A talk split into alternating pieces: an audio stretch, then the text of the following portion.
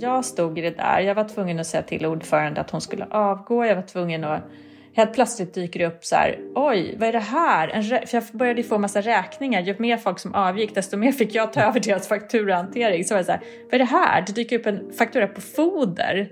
Då visar det sig att Kommunal äger en travhäst. Bara sälj, sälj! Så.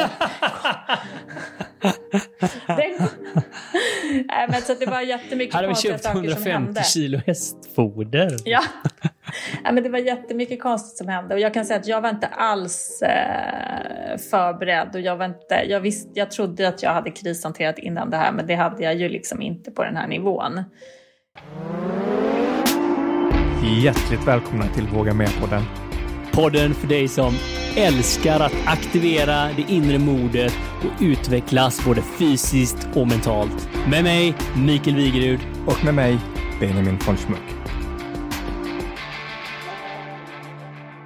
Ja, fantastiskt kul att vara tillbaka. Komma in här i studion, man känner att ja, det är någonting som inte är så likt. Men Mikael är här. Han blir någon eh, lyster runt Mikael. Det är som att han är väldigt, väldigt ren. Ja, Indien har den effekten på mig. Från topp till tå så att säga. Plus den här panchakarman som har städat ur alla mina gamla synder. Ja, ja, det vete fan om de lyckades med. Men, Men de jobbar på bra, det kan jag säga faktiskt. ja, men du, vilket fantastiskt samtal vi har haft idag. Ja, eh, det har varit en riktigt härlig tid i studion och jag hoppas att eh, lyssnarna verkligen kan eh, känna samma känsla som vi känner nu. Och bidraget till detta samtalet kommer ju från lyssnare. Ja, vi vill ju rikta ett eh, stort tack till Maria som tipsade oss om den här fantastiska personen. Ja, Jag känner ju så här att eh, det finns så mycket lärdom i dagens samtal så att jag vill hoppa raka vägen in. Nu kör vi!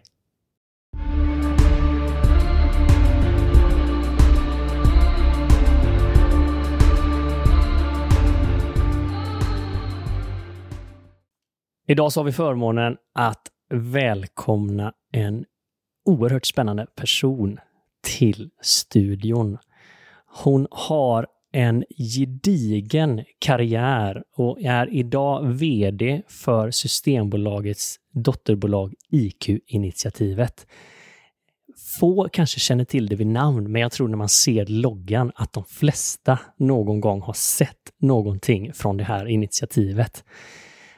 Hon är känd för mod och blev tipsad till Våga Mera-podden från en person som har jobbat nära henne. Och det tänker vi säger väldigt mycket om den här personen.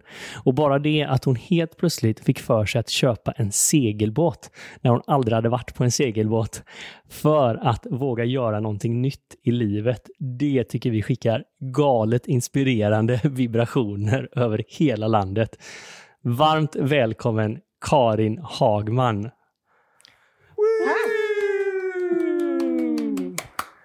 Ja, men tack, jätteroligt att vara här och jag ser fram emot ett spännande samtal.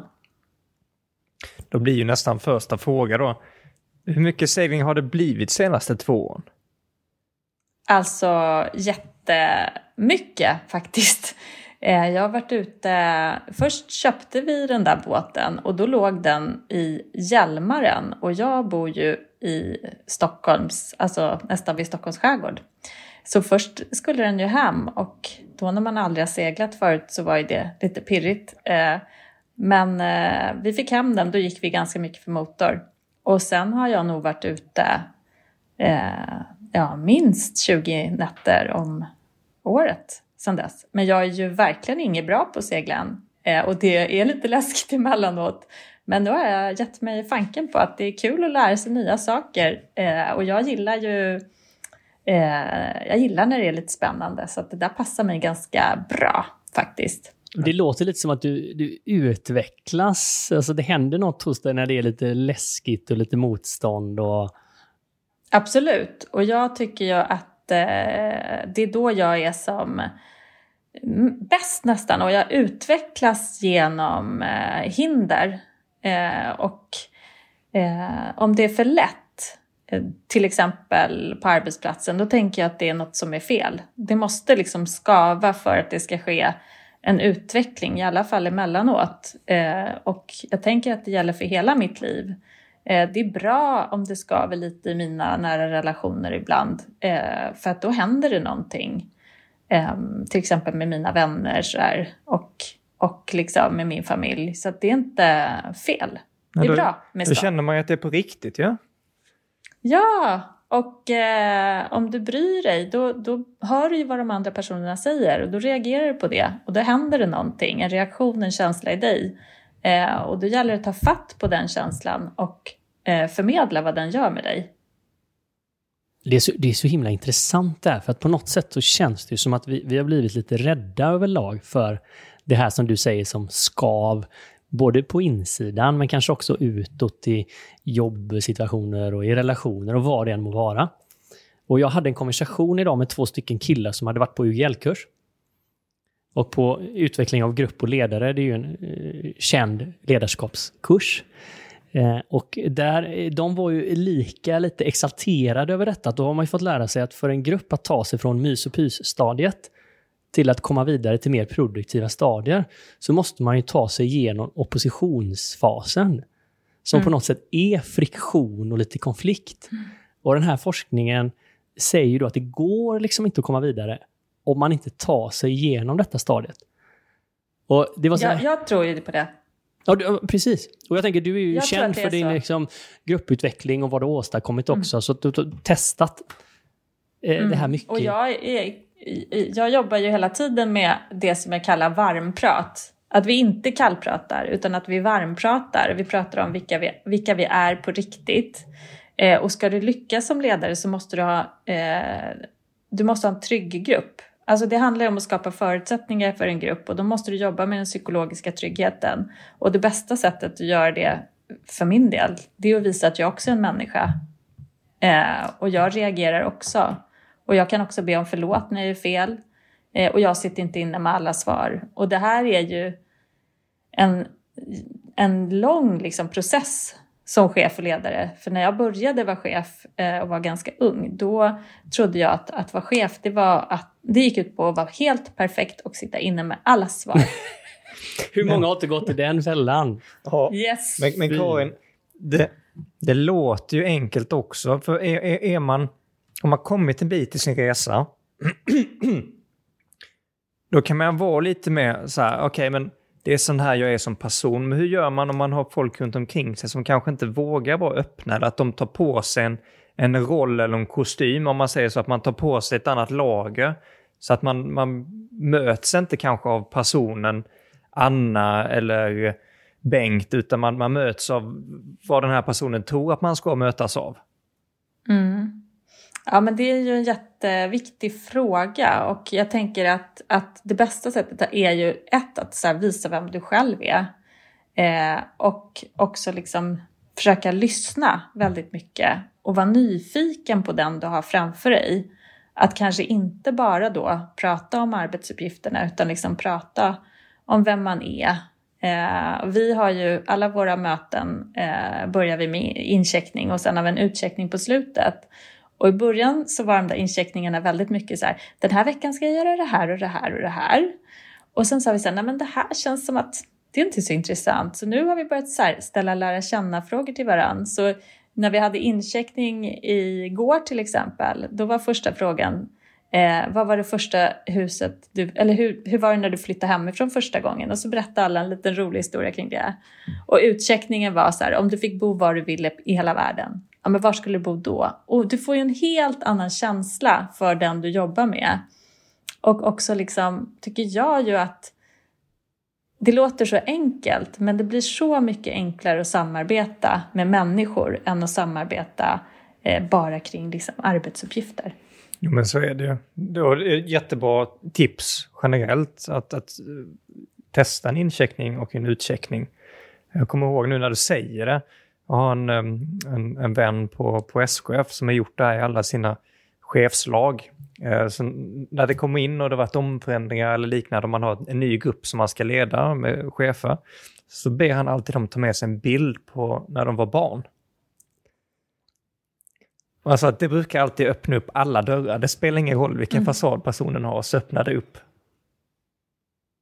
det är fantastiskt, för jag tänker att det, det är också tvåfalt. Alltså dels berättar jag om vem jag är och hur jag var, hade det som barn för er andra. Men jag får ju också kontakt med mitt eget inre barn. Alltså när jag tittar på en bild av lilla Karin, då får jag också en känsla för liksom, vem jag bär med mig. Och det blir ju jäkligt härligt.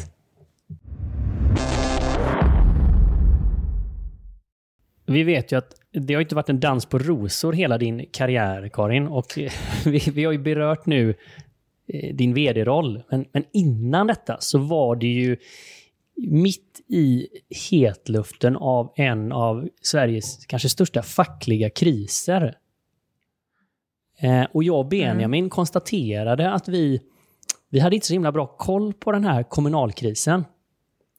Så vi kanske får börja med om du vill hjälpa oss lite grann egentligen vad tusan det var som hände där. Eh, givetvis mm. i, i, media, men hur såg det ut på insidan också för den som mm. var kommunikationschef då för Kommunal? Ja, precis. Jag var kommunikationschef och krisansvarig och det var ju lätt att vara innan det blev en kris kan man säga. Eh, men det, kommunalkrisen bestod ju av alla eh, ingredienser i en riktigt grisig soppa. Det var ju lägenhetsaffärer, man hade gett lägenheter till olika, bland annat utrikesminister Margot Wallström. Eh, man hade haft en porrstjärna som hade uppträtt på en, uppträtt på en restaurang som eh, Kommunal ägde. Eh, man hade bott gratis på olika hotell och kursanläggningar. Man åkte första klass på flyg. Eh, man langade alkohol eh, upp till någon eh, våning som någon av dem ägde från restaurangen. Alltså det var hur mycket som helst. Man byggde en ny, jättedyr nattklubb och eh, jag var kommunikationschef och jag hade varit ett halvår ungefär när den här eh, skandalen drog igång. Och eh, redan där under hö det var höst när jag började och då började jag känna så här, det är något som skaver här. Det känns liksom, det är saker som inte är bra. Och jag hade kommit in med ett ganska starkt eh, förändringsmandat för man ville förnya sitt varumärke och hitta nya, eh, nya medlemsgrupper. Eh, men det var väldigt svårt att liksom få gehör för det för att högsta ledningen var så involverad i, i de här sakerna som pågick. Eh, bland annat så var jag inne hos han som ansvarade för de här lägenheterna. Kommunal ägde massa fastigheter och eh, då gav bort lägenheter och sa så här, det ser ganska illa ut så jag att ni ger bort liksom, förstahandskontrakt i Stockholms innerstad. Det finns liksom ingen människa som kan få tag på de här kontrakten. Och då sa han, ja men det är lugnt och vi har en policy vi följer. Ja, för att titta på den här policyn, sa jag. Och så tittade jag på den och sa så här, mm, men det är inte så snyggt med en policy där det står så här, eh, vi, vi, vi anställda och liksom andra personer i fackföreningsrörelsen kan få förstahandskontrakt. Nej, men vi har den här policyn och den gäller. Eh, och sen när jag går ut genom rum, ur rummet, då säger han så här, ja du vet Karin, om du skulle skilja dig eller skulle behöva flytta, då ordnar jag en lägenhet till dig.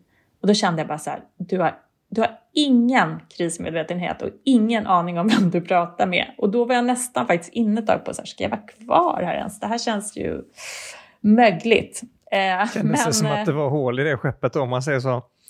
Ja, vi hade också en fest eh, precis när jag hade börjat i, under Almedalsveckan där folk där det delades ut fri sprit och folk var så fulla liksom, så de ramlade omkull. Eh, och sen efter semestern, så det där skavde hos mig hela sommaren. Man var jävligt bra på fest eller på... de var väldigt bra på fest. det är den bilden man har fått. Uh, och dagen, så efter semestern så gick jag och pratade med vår personalchef som var en väldigt liksom, en bra och jättevettig person. Och så sa jag så här, det här upplevde jag, jag tyckte att eh, det var väldigt olämpligt och jag tror inte att det är positivt för bilden av Kommunal. Och då sa han bara så här, jag vet, det här är ett jätteproblem, men så länge ledningen liksom, eh, är en del av det här problemet så kan inte vi göra någonting åt det. Och det tänker jag också är liksom det var så många som visste att det var saker som pågick men det var väldigt liksom svårt att ta tag i. Jag tänker att vi var allihopa där blev lite som lite fartblinda grupp. Och nu känns det alltid när jag pratar om det här som att jag hänger ut Kommunal, men det gör jag ju inte därför att det som är så fantastiskt och som gör att jag kan prata om det, det är ju att man gjorde en jättetydlig åtgärdsplan och man är ett helt annat fackförbund idag än vad man var då. Så på många sätt, alltså precis som vi inledde, så kan ju en kris vara det bästa som kan hända. Det är så himla sant tror jag. Eh, det är någon som brukar säga att kris, alltså det är bästa möjligheten. Ja, kris leder till utveckling. Eh, och sen så tänker jag så här, jag stod i det där, jag var tvungen att säga till ordförande att hon skulle avgå, jag var tvungen att Helt plötsligt dyker det upp så här, oj, vad är det här? En för jag började få massa räkningar. Ju mer folk som avgick, desto mer fick jag ta över deras fakturahantering. Så var det så här, vad är det här? Det dyker upp en faktura på foder. Då visar det sig att Kommunal äger en travhäst. Bara sälj, sälj! Så. Den... Nej, men så det var jättemycket. Här har vi köpt 150 kilo hästfoder. Ja. ja, men det var jättemycket konstigt som hände. Och jag kan säga att jag var inte alls eh, förberedd. Och jag, var inte, jag, visst, jag trodde att jag hade krishanterat innan det här, men det hade jag ju liksom inte på den här nivån. Eh, och jag sov på kontoret och jag var väldigt liksom, jag kommer ihåg att jag stod där ett tag och kände så här, när man börjar få blodtrycksfall liksom av stress. Jag mådde ju inte bra, men jag kände ju inte heller efter själv för att jag kände att jag hade sånt himla ansvar. Eh, så jag bara pressade ner alla känslor. Hur var resan där inom dig? Um, Karin, för jag tänker att du har varit i rollen ett halvår. Det är det man brukar säga mm. att det är inkörningsperioden på ett nytt jobb. Mm. Och det kanske var en fördel också i det här fallet därför att jag var ju inte insyltad. Jag hade inte varit på några liksom lyxiga resor eller hotell eller alltså jag var eh, ren själv från det och det var nog ett stort plus. Men jag hade, förstod ju inte, det var ju liksom tio dagar där Aftonbladet publicerade eh, två nyheter eh, om dagen och till slut avgick vår ordförande och då liksom slutade och då kunde vi ta tag i åtgärdsplanen.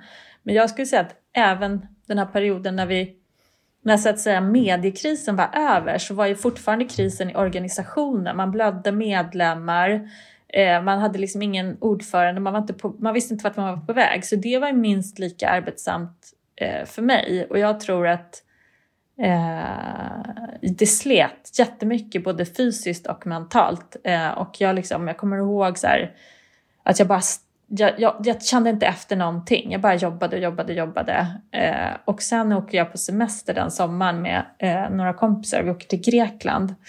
Och jag minns liksom hur jag låg eh, i mitt hotellrum och kände så här, det är något som är fel. Håller jag på att få en hjärtattack? Så här, jag kände ett otroligt tryck över bröstet. Och sen så inser jag att det var eh, liksom alla upp, all, upp, all uppdämd stress som jag hade liksom lagrat i min kropp och där någonstans så började jag försöka liksom lugna mig genom meditation och försöka hitta tillbaka. Jag hade ju typ inte andats kändes det som ett halv, på ett halvår. Så att, eh, det var ju väldigt, väldigt lärorikt för mig och det har förändrat liksom både mig som person och som chef och som äh, människa tror jag, den här krisen. Efter krisen, hur skulle du, om, om, om du tänker dig att du, du hade fått träffat dig själv och vetat att det här var på gång. Tror du att du hade hanterat det på samma sätt idag eller hade du gjort det på ett annat sätt? Åh, vilken bra fråga. Jag måste tänka lite. Hade jag gjort på samma sätt? Nej, jag tror att jag hade delegerat mer.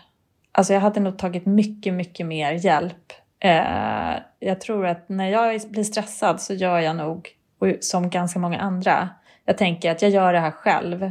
Eh, så går det fortast istället för att jag ska ta hjälp av andra.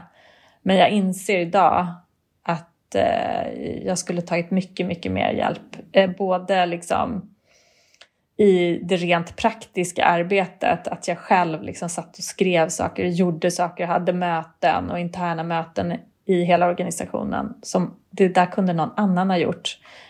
Så att ta, ta hjälp, att inte... Jag började springa liksom jag bara satte på mig jackan och sprang och sen sprang jag, sprang och sprang. Eh, och eh, det hade varit bättre att tänka lite där i början tror jag. Tror du att det här hänger ihop med förväntningarna om chefen? Alltså det här duktig flicka eller duktig pojke. Att det aktiveras i ett sånt här läge? Gud ja, det tror jag absolut. Att jag upplevde ju att det var min roll att lösa allting. Eh, och det var det väl kanske inte. Alltså det var, in, det hade väl någon annan också kunnat göra. Eh, men man vänder sig liksom till chefen i, i första hand och tror att chefen kanske ska ha svar, eller så upplevde jag det.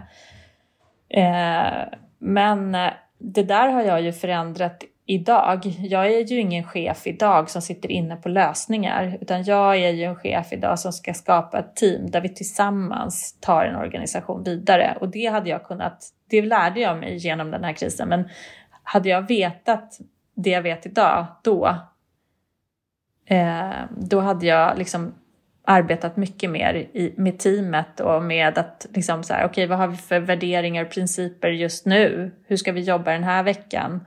Hur löser vi saker tillsammans? Här blev det väldigt mycket jag löste och sen gav jag lite snabba order liksom.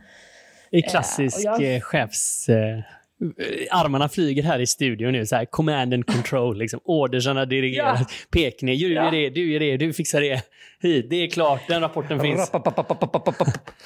Jag hade en ja, chef, jag, jag tycker... jag, jag, måste, jag, får, jag får citera han här. Han, han är så underbar. Han, han brukade säga så här när han var lite frustrerad och så sa han så här. Alltså det hade varit bra här om alla jävlar bara gjorde som jag sa.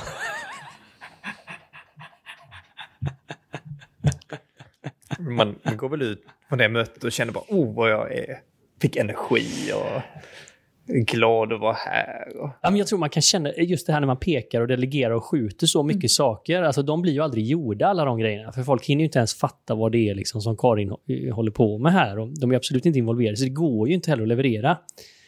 Men känslan kan ju vara den alltså att fan, det är bara jag som jobbar här. Det är ingen som svarar upp. Jag vet.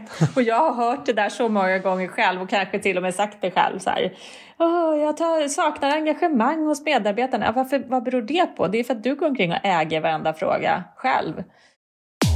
En kort paus. Våga Mera växer så att det knakar. Och vill du hjälpa Våga Mera att fortsätta att inspirera och skapa förändring och hjälpa oss med utvecklingen av podden? Så finns det en enkel sak du kan göra här och nu och det är att följa podden. Och det går till lite olika beroende på hur du lyssnar. Lyssnar du via Spotify så finns det en följa-knapp precis under bilden.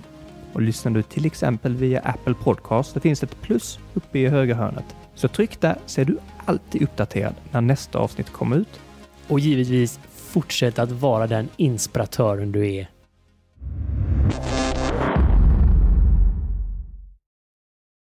Nej, men jag tycker det här är intressant liksom, i ledarskapet och den förändring som vi ser i ledarskapet också idag. Att när jag började vara chef, att jag trodde att så här, det här handlar om att jag ska vara perfekt. Men jag kan också så fundera på var, var, varför var det så viktigt för mig att vara chef? Vad handlade det om egentligen? Varför har jag ett behov av att få höra att jag är duktig av någon annan? Eh, varför kan jag inte bara själv känna att så här, man duger som man är och eh, eh det spelar ingen roll om jag sitter på en kobbe i havet, eh, jag är lika bra ändå. Det tycker jag, är, alltså vad är det för samhälle vi har där vi liksom mäts och värderas utifrån så här, åh, vd minsann, vad coolt liksom. Och jag är ju mentor till ganska många unga ledare eh, och då brukar jag alltid säga så här, vad är, vad, vad är framgång för dig? Eh, vad är ditt endgame? Och hur vill du må när du kommer dit? För det är frågor som jag aldrig har ställt mig. Jag har bara sett liksom karriären som en trappa. Jag är ambitiös och jag ska framåt och jag ska minsann visa alla, hela världen hur duktig jag är. Och till slut tar det där, alltså det är ju helt tomt. För sen når du fram, framgång och så känner du så här, ja, det här gav ingenting. En gång fick jag feedback från en, från en annan chef så sa han så här, Karin, alla gillar dig men inte du själv, vad beror det på? Och det är också så tankeställare Oj. som man får i livet, att så här, ja men vad är, det, vad är den här strävan, vad handlar det om egentligen?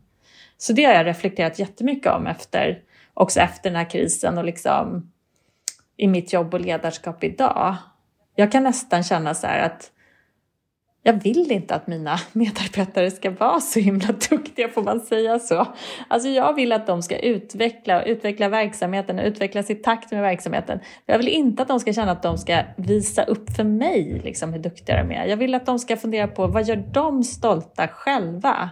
När är de nöjda när de går hem en dag? Jag tänker ju på, på ansvar.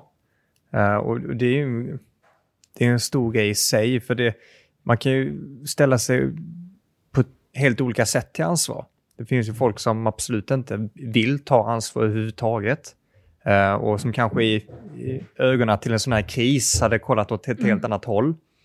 Och folk som axlar alldeles för mycket och tar på sig alldeles för mycket ansvar. Och det är kanske just den personen vi pratar om lite just nu.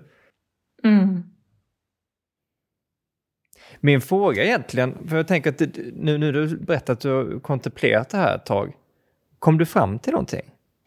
Eh, jag kom fram till, nu kommer det låta, nu kommer det låta flummigt, en sak jag kom fram till det är att jag är så himla rädd för eh, det här tomrummet inne i mig själv. Att våga vara i det. Alltså förstår ni vad jag, förstår ni vad jag menar?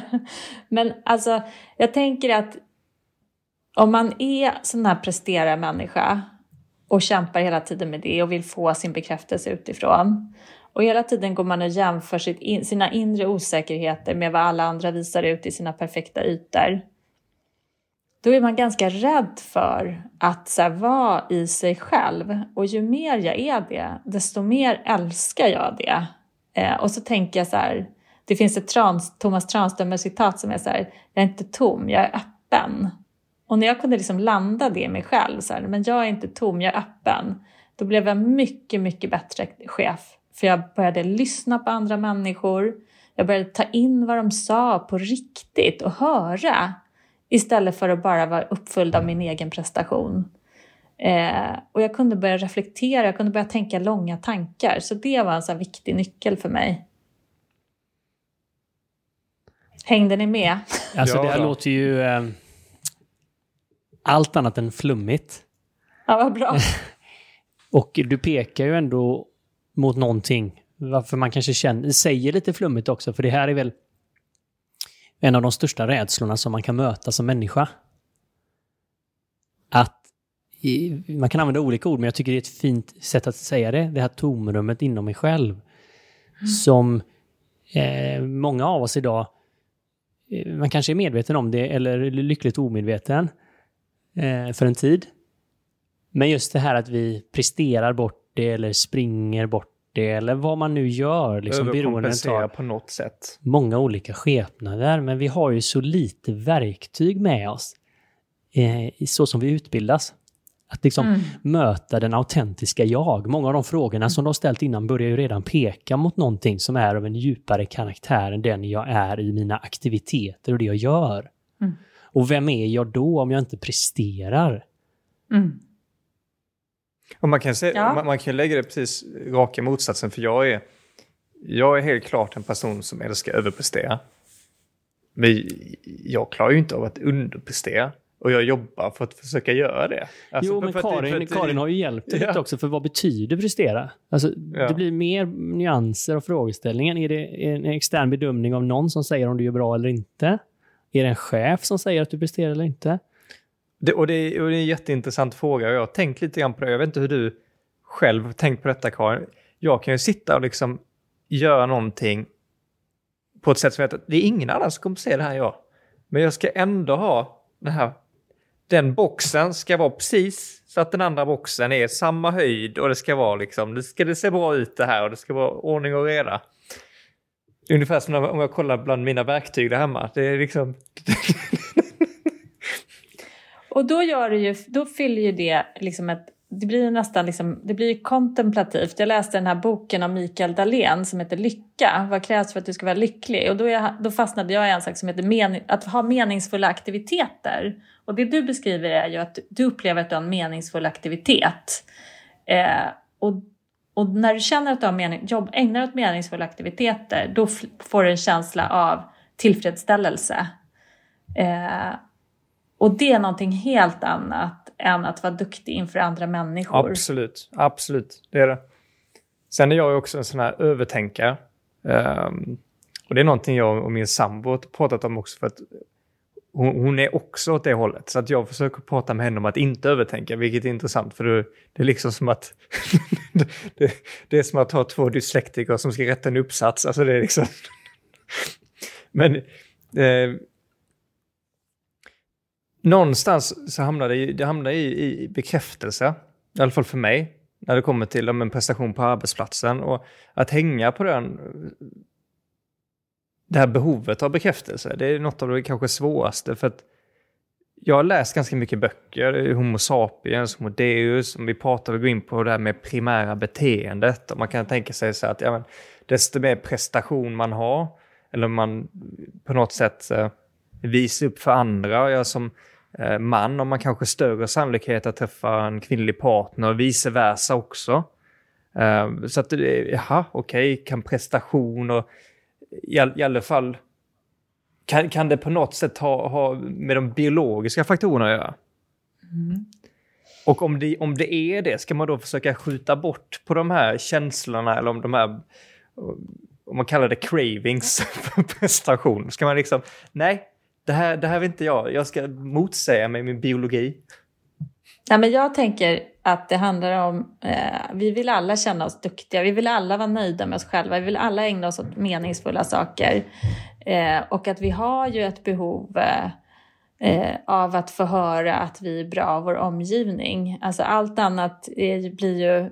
Jag har ju också liksom haft eh, situationer i mitt yrkesliv när jag känner liksom att jag inte har fått cred för det jag har gjort och då har jag ju blivit väldigt ledsen. Eh, så att, eh, det är klart att det finns något biologiskt i det och eh, så, men jag tänker att man kan också bli sjuk av den där prestationen. För att om du, om du, det handlar om att vara närvarande också med dig själv och fundera på vad är det som pågår nu? Hur känns det? Och kunna fånga sig själv och fundera över de frågorna eh, även på jobbet, tycker jag. Ehm, jag älskar ju att lära mig, vi pratade om min segling liksom, till att börja med, jag älskar att lära mig saker. Eh, men jag fick mig en riktig tankeställare för några år sedan när jag var på chefskurs. Och vi sitter i en ring, alla är höga chefer. Och alla pratar om hur jävla dåligt de mår och saker de har dåligt samvete för, framförallt också sina barn eh, som de inte upplever att de hinner med. Och de känner sig aldrig sig tillräckliga. Och där någonstans kan man börja tänka sig att det här har blivit en sjuklig prestation. Eh, hur, hur, kan du, hur kan du vara en god chef eh, och, må, och liksom utplåna dig själv? Det här funkar ju inte. Du är inte en god förebild, du mår skitdåligt själv. Vad var meningen med att prestera och bli chef och klättra i någon karriärstege av det här? Så att, eh, jag tycker att det är viktigt, liksom, jag säger inte att jag sitter inne på några svar kring det här med prestation, men jag tänker att det är viktigt att reflektera kring det och eh, fundera på vad är framgång eh, för mig? Och hur mår jag bra av att ha det? Jag har ju till exempel, jag berättade för er förut att när jag var barn ville jag bli både bibliotekarie och skådespelerska. Och jag tror att det säger liksom väldigt mycket om att jag är både väldigt extrovert och väldigt introvert. Och jag har ju i mitt yrkesliv tryckt ner den där introverta personen väldigt mycket och inte lämnat utrymme för det. Men i och med den här krisen så var jag också tvungen, och jag berättade, jag fick ju så här, eh, liksom ångest efteråt och mådde dåligt, så var jag tvungen att jobba med det där och, och liksom eh, lära känna mig själv på nytt. Och jag märker ju att eh, jag mår ju otroligt bra av att nära min introverta sida, att vara i den där tomheten inne i mig själv, att våga tänka långa tankar. Och faktum är att jag är ju väldigt mycket bättre för min organisation när jag gör det också. Ja, men jag, jag, jag hör dig Karin och det, jag sneglar lite på Mikael här också för just det att tillåta tystnad är någonting vi har pratat om tidigare. Men inte innan vi kommer in på det.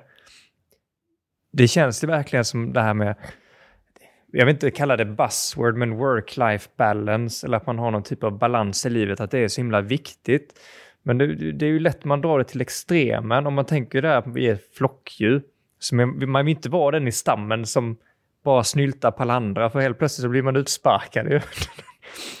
och om man då drar det till, till eh, extremen i, idag så är det kanske så att, att de arbeten de, på det sättet vi, vi eh, får in vår lön idag så finns det inte direkt ett stopp på det, utan man kan ju välja att, att vara kontaktbar hela tiden. Um, det, det, så, det, var en fin grej som min, uh, um, min farmor sa en gång uh, innan hon gick bort. Och det var precis då när mobiltelefonerna börjat komma och, och Snake och sånt var de spelen man spelade. Så sa hon det, det, det är så fascinerande när man, när man kör förbi busstationerna för att barn och sånt de, De pratar inte med varandra längre, utan de sitter liksom och, med sina telefoner och de här bitarna. Det är precis som att folk har glömt bort hur det är att ha tråkigt. Mm. Och vad hon menar är liksom att det, det, det är viktigt att ha tråkigt. För att då blir man Mm. kreativ. Då, liksom, då får man ju tid att tänka på vad man ska göra för att inte ha tråkigt. Men vi har liksom glömt bort det nu. Mm. Ja, absolut. Det, så tror jag att det är.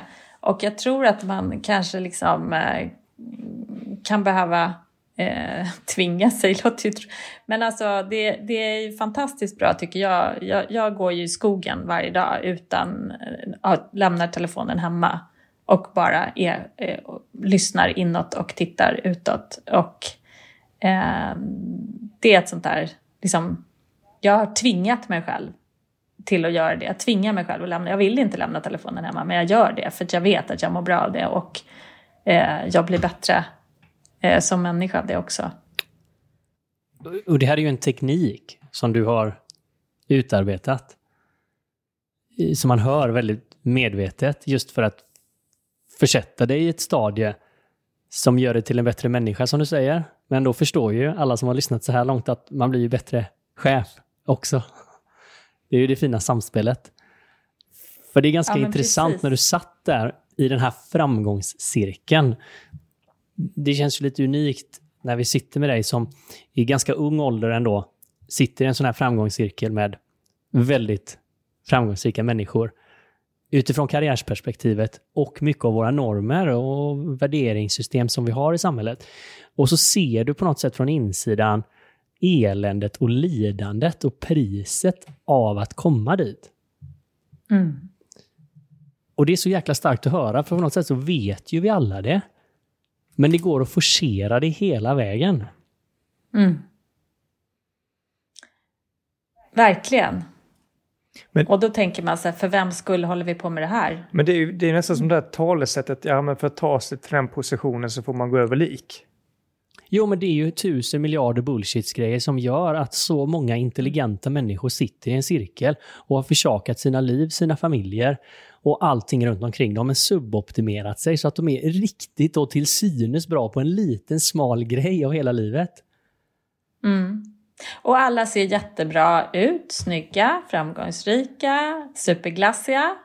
Eh, och sen eh, mår man inte särskilt bra på insidan. Och det är det jag menar också med att, också att här går, vi går alla med väldigt, in, vi har alla våra osäkerheter och vi speglar, vi går och tittar på andra människors yttre och så jämför vi vårt inre osäkra med vad andra visar utåt Ja. och det blir en väldig skevhet.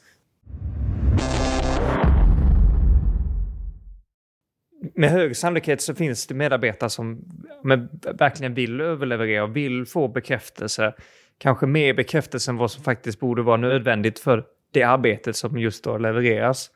Hur kan man som chef då liksom ta ner den här personen lite grann på, på jorden? Så du behöver inte ta det lugnt. Ja, men jag tror Karin har varit inne lite grann Ja. på det också.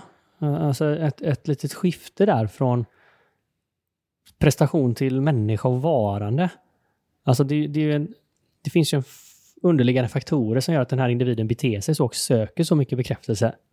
Och jag tycker Mm. Karin har varit inne på det väldigt fint och pekat mot det, att om du kan öppna upp och möta en individ så kanske det här kommer att förändra sig drastiskt. Mm. Du får gärna fylla i där Karin om du vill. Ja, men det, jag tänker att det handlar om att som chef att visa att man själv är människa på olika sätt. Eh, och prata om, om, om eh, sina egna sårbarheter.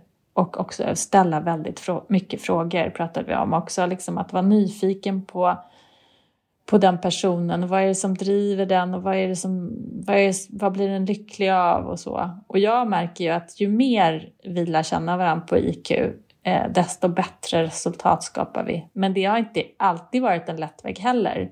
För många kan ju också känna så här, eh, ja men jag, jag vill bara gå till jobbet och leverera. Ja. Eh, och Jobb är jag jobb. vill prestera. Och hur vet jag att jag gör ett bra jobb? Eh, det är ju jätteviktigt att prata om. Så, men vilka, vilka effekter vill vi uppnå? Och hur gör vi det tillsammans? Och på IQ har vi gjort liksom en utvecklingsresa där vi eh, har gått till att eh, från att ha massa regler och förhållningssätt så har vi idag ett antal värderingar och principer som vi lever efter och som vi tillsammans jobbar med verksamheten utifrån. Vi, till exempel så har vi en, en, en princip som är att vi utvecklar oss själva och varandra hela tiden.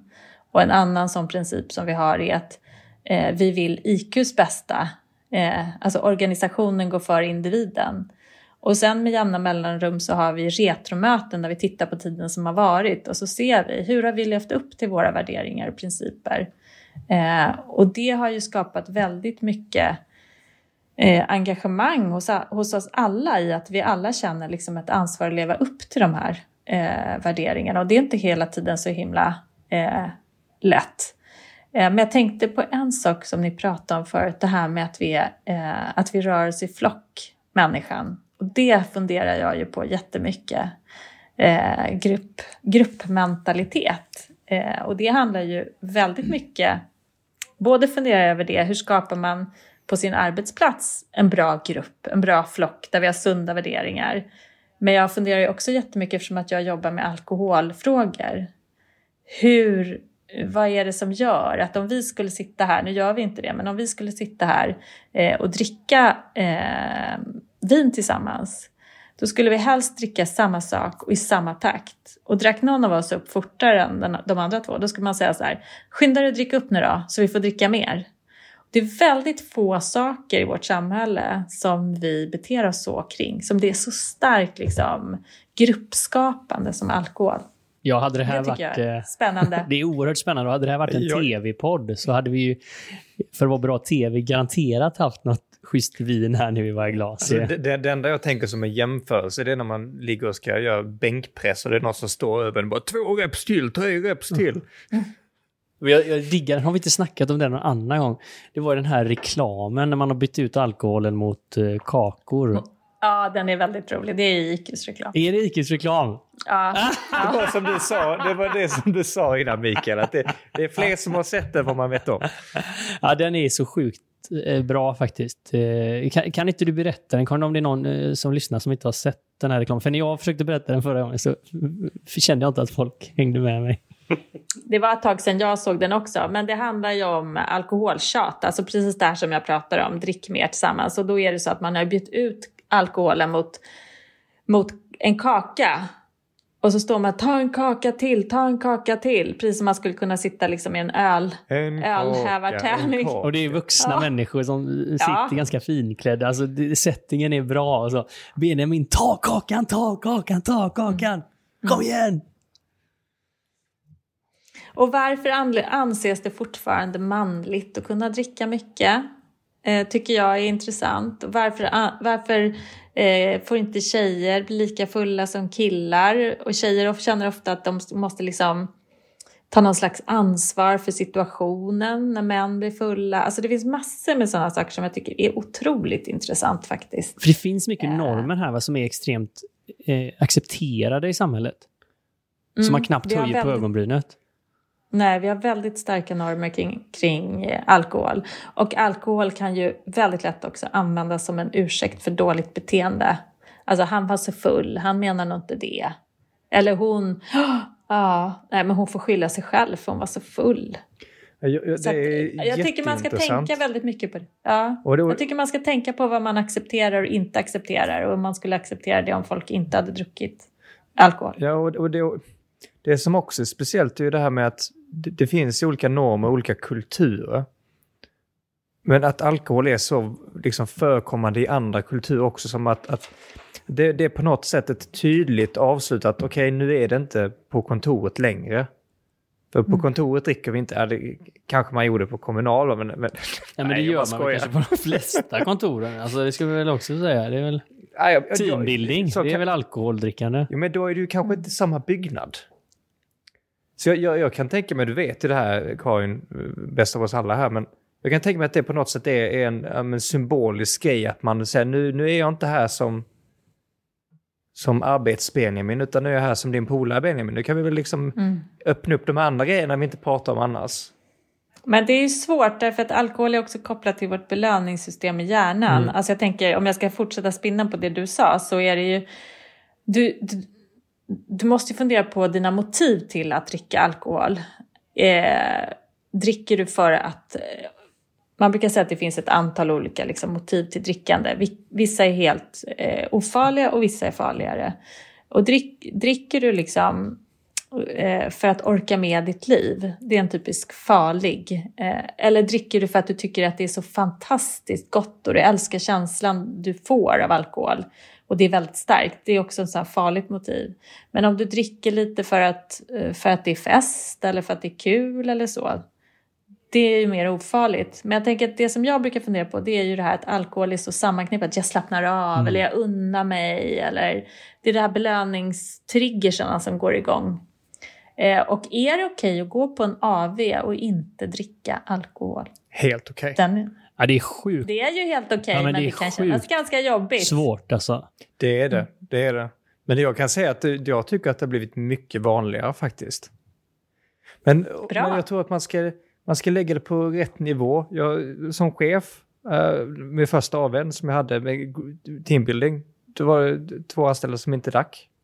Då mm. gjorde vi som en grej, här, okay, men se vilka spännande drinkar de kan göra utan. Eller, man kanske inte ska kalla det drink längre, men det är väl det man använder. Ja, det kan man väl använda. Men, men jag tycker det är jättekul att höra att, att du tycker liksom att det känns mer okej. Okay. För det, det kan ju vi se i undersökningar att det är ganska svårt att att, liksom, att stå i, alltså det handlar om det här med flocken igen. Att stå emot flocken är alltid svårt. Ja, det är bland det svåraste som finns. Alltså, det måste jag själv säga när jag kände att jag behövde liksom dricka mindre. Och vara i mycket sådana här kretsar, om man säger. Det var ju extremt svårt. Det var, jag brukade skoja och säga, jag får säga att jag är gravid. Eller att mm. jag kör bil. Det är liksom de enda accepterade utvägarna. Mm. Precis, eller möjligen så här, jag ska upp och träna så himla tidigt imorgon bitti, kan gå. Men det där är också så intressant, att varför känner man att man måste ha en anledning och varför blir vi så nyfikna? Varför kan man inte låta bli, om någon beställer alkoholfritt, varför kan man inte låta bli att fråga? Varför måste man fråga? Alltså, dricker inte du ikväll? Alltså det finns någonting i det där som är... Eller den, den personen är en sån typ. Ja, men det är extremt ja. fascinerande att man bryr sig överhuvudtaget, men det är det kan man ju se till sig själv när man, när man Jag har ju varit på båda sidorna av det här myntet. Jag har ju båda, båda extremerna. folk att ta kakan också. Eh, om vi ska referera till det, shotten eller eh, vad det nu må vara. Och det är ju något sätt lite som du sa, kan man takta varandra i det här drickandet så finns det ju inget roligare och då behöver man inte ha dåligt samvete eller liksom eh, all, allt som ska hända. Då vet man att ingen kommer ihåg imorgon. Och, alltså det är väldigt sådär... Mm.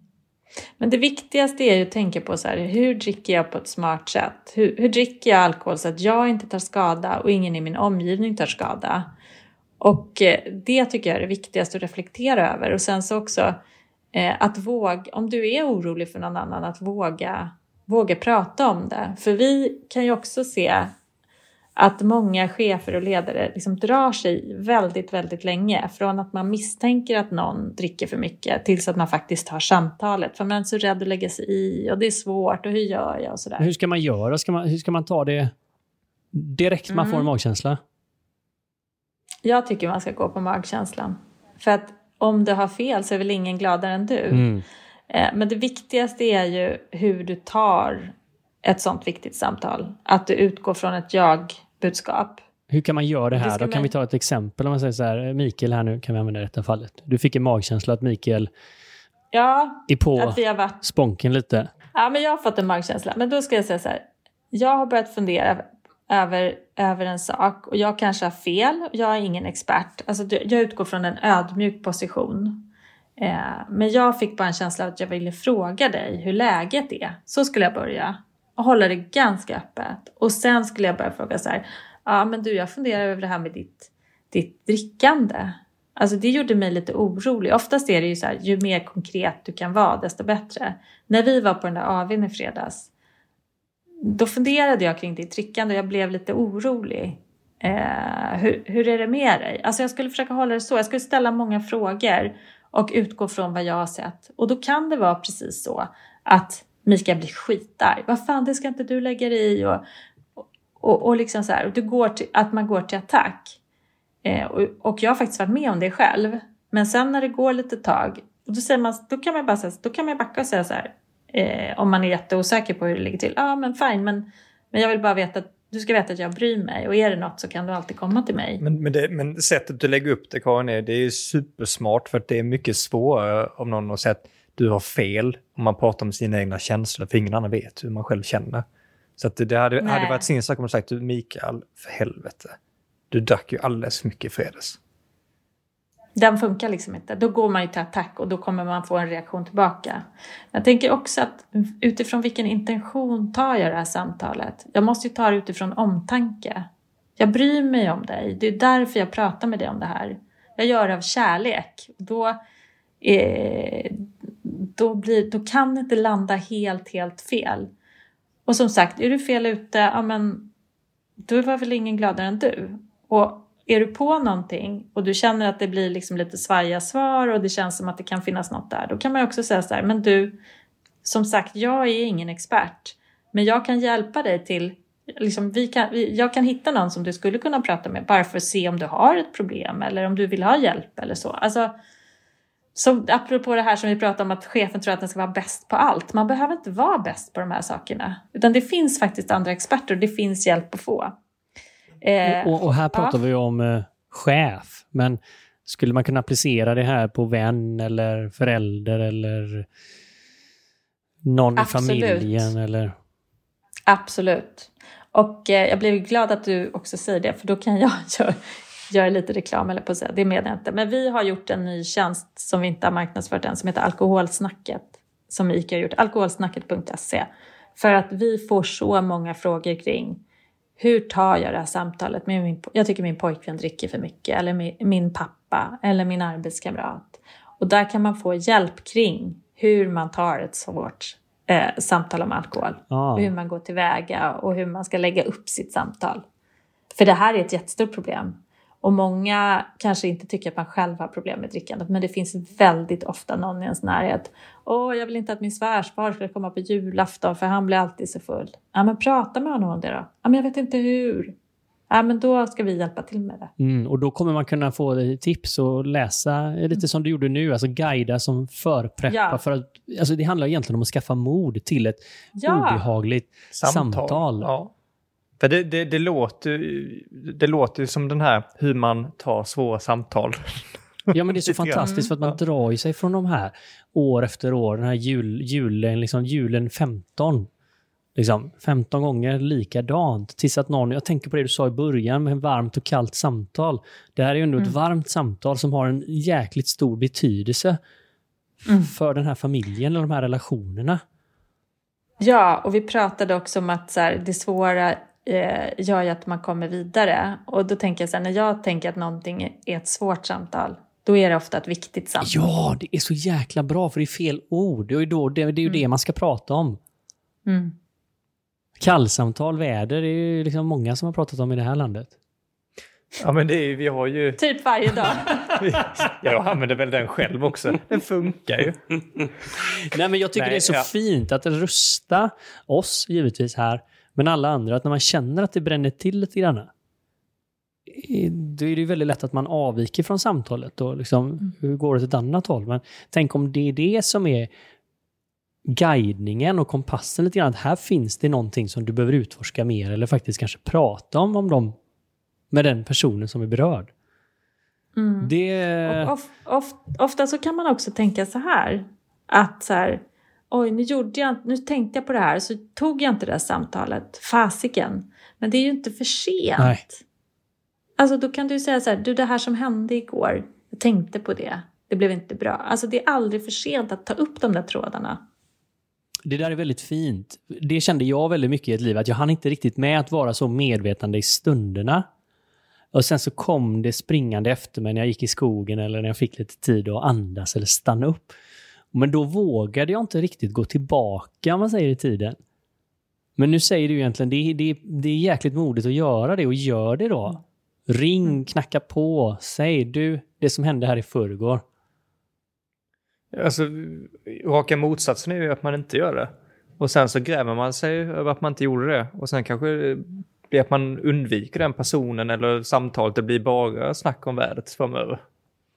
Mm. Och så ligger det där och skaver någonstans. Ja, för det gör ju det saker och ting som inte... Då, då, då, då har jag en fråga och det är kanske speciellt för Sverige. Um, och Det här med alkohol och öppna upp. Mm. Det känns som är man på en after work eller liknande så uh, vill man ju lära känna varandra. Mm. Har du något annat tips på hur man kan lära känna varandra? Eller liksom någon sån där aktivitet eller någonting man kan göra där man liksom inte ens behöver prata om huruvida man ska ha alkohol eller inte eller hur mycket man kan lägga, om det är två koppar per person eller en kopp. Alltså finns det något helt annat man kan göra? Ja, men jag tänker, apropå det här att chefen inte behöver vara så himla duktig hela tiden, eh, så tänker jag så här, det finns massor med saker man kan göra som är mycket roligare än en AV. Eh, Mm. och det bästa jag har gjort, det har varit när jag har frågat gruppen. Jag tänkte vi ska göra något kul efter jobbet eh, om någon vecka eller två. Vad skulle vi kunna göra? Då blir det väldigt sällan AV. Då har vi varit och klättrat, vi har gått en hike, alltså den typen av grejer. Eh, för eh, jag tror att, och det har varit jätteroliga sätt att lära känna varandra. Eh, och också så har vi gjort så här, ja men alla kommer med förslag och så röstar vi. Då har man ju skapat en involvering i det där mm. och då mm. kommer ju alla också. Buy-in. Mm. Mm. Eh, så den funkar, har funkat väldigt bra för mig. Du har så jäkla mycket bra tips Karin, så jag känner att vi skulle liksom behöva hålla igång dig här nu. Karin tipsar ungefär sådär en gång i veckan. Det, det, är så fascinerande att det är mycket som är så enkelt, men man känner när du berättar om det hur stor effekt det har. Det är nästan som att eh, systemet justerar om sig. Och man, man kan ju bara våga pröva lite. Alltså allt behöver inte sitta på en gång. Det är väl det livet handlar om, att testa sig fram och se vad som funkar och vad som inte funkar. Och har det inte blivit bra, nej men då gör du annorlunda. Det spelar inte, alltså, så länge du inte gör illa dig själv och andra så, så pröva dig fram. Och jag har gjort jättekonstiga saker som chef. Bland annat tänkte jag på det nu när vi pratar om grupputveckling. Jag har varit alldeles för ambitiös många gånger skickat ut folk i skogen och några gick vilse. Alltså, man, man lär ju sig så länge man lever. Det hade jag... Det var liksom har, de, har de kommit tillbaka? Kan vi bara få kontrollera det? ja, men de var jättehungriga. jag kan tänka mig det. De jobbade kvar hoppas jag. Ja, ja, ja. Vi band oss samman när jag, när jag fick Titta, veta även, åka och köpa även då. även då. Ja, och jag också liksom... Jag, alltså, ibland lyckas inte jag fånga mig själv när jag är i mitt ledarskap och kan, kan bli liksom eh, för kantig. Då får jag ju bara ta det sen. Nej, men förlåt, jag var stressad eller så. Alltså, det är en del av att vara människa. Ingen är perfekt. Någonting jag, jag hade velat uh, ha som en avslutande fråga.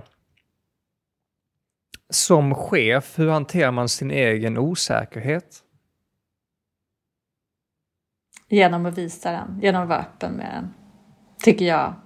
Eh, och eh, både, både med att visa sin egen osäkerhet eh, och att eh, att också ha andra som man kan prata med eh, och ha, eh, liksom, vara snäll mot sig själv. Visa omtanke om dig själv. Tänk på dig själv med lite förlåtande eh, känsla. Det ska vi försöka etsa in här faktiskt nu i alla oss som lyssnar. För det är nog det finaste vi kan göra i dessa tider förlåta oss själva. Och vara lite snälla. Vi vet att du har yes. mängder av initiativ igång och föreläser och inspirerar och modererar. Och om man vill se mer av dig eller kika närmare på dig, Karin, vart vänder man sig då? Eh, man kan ju börja med att följa mig på Instagram. Där lägger jag ut ganska mycket grejer som jag gör. Och, och nu när jag säger det så kan jag också tänka så här, kanske ska bli lite bättre på det. eh, men jag gör så gott jag kan där. Eh, och sen tycker jag ju att man kan följa också IQ. eh, och allt som vi gör. För vi ger ju väldigt mycket liksom, eh, tips och råd. Eh, och sen, eh, ja, men sen föreläser och modererar jag lite sådär och, och, och vill man prata mer om mig så kan man ju alltid mejla. Så vi lägger med de här Instagramkontona i beskrivningen av podden. Så man kan hitta in till dem. Ja, gör det. Ja. Grymt! Så jag tackar jättemycket för dagens samtal, Karin. Men tack, det var jätte, jätteroligt att prata med er. Det gav mig mycket. Mig också.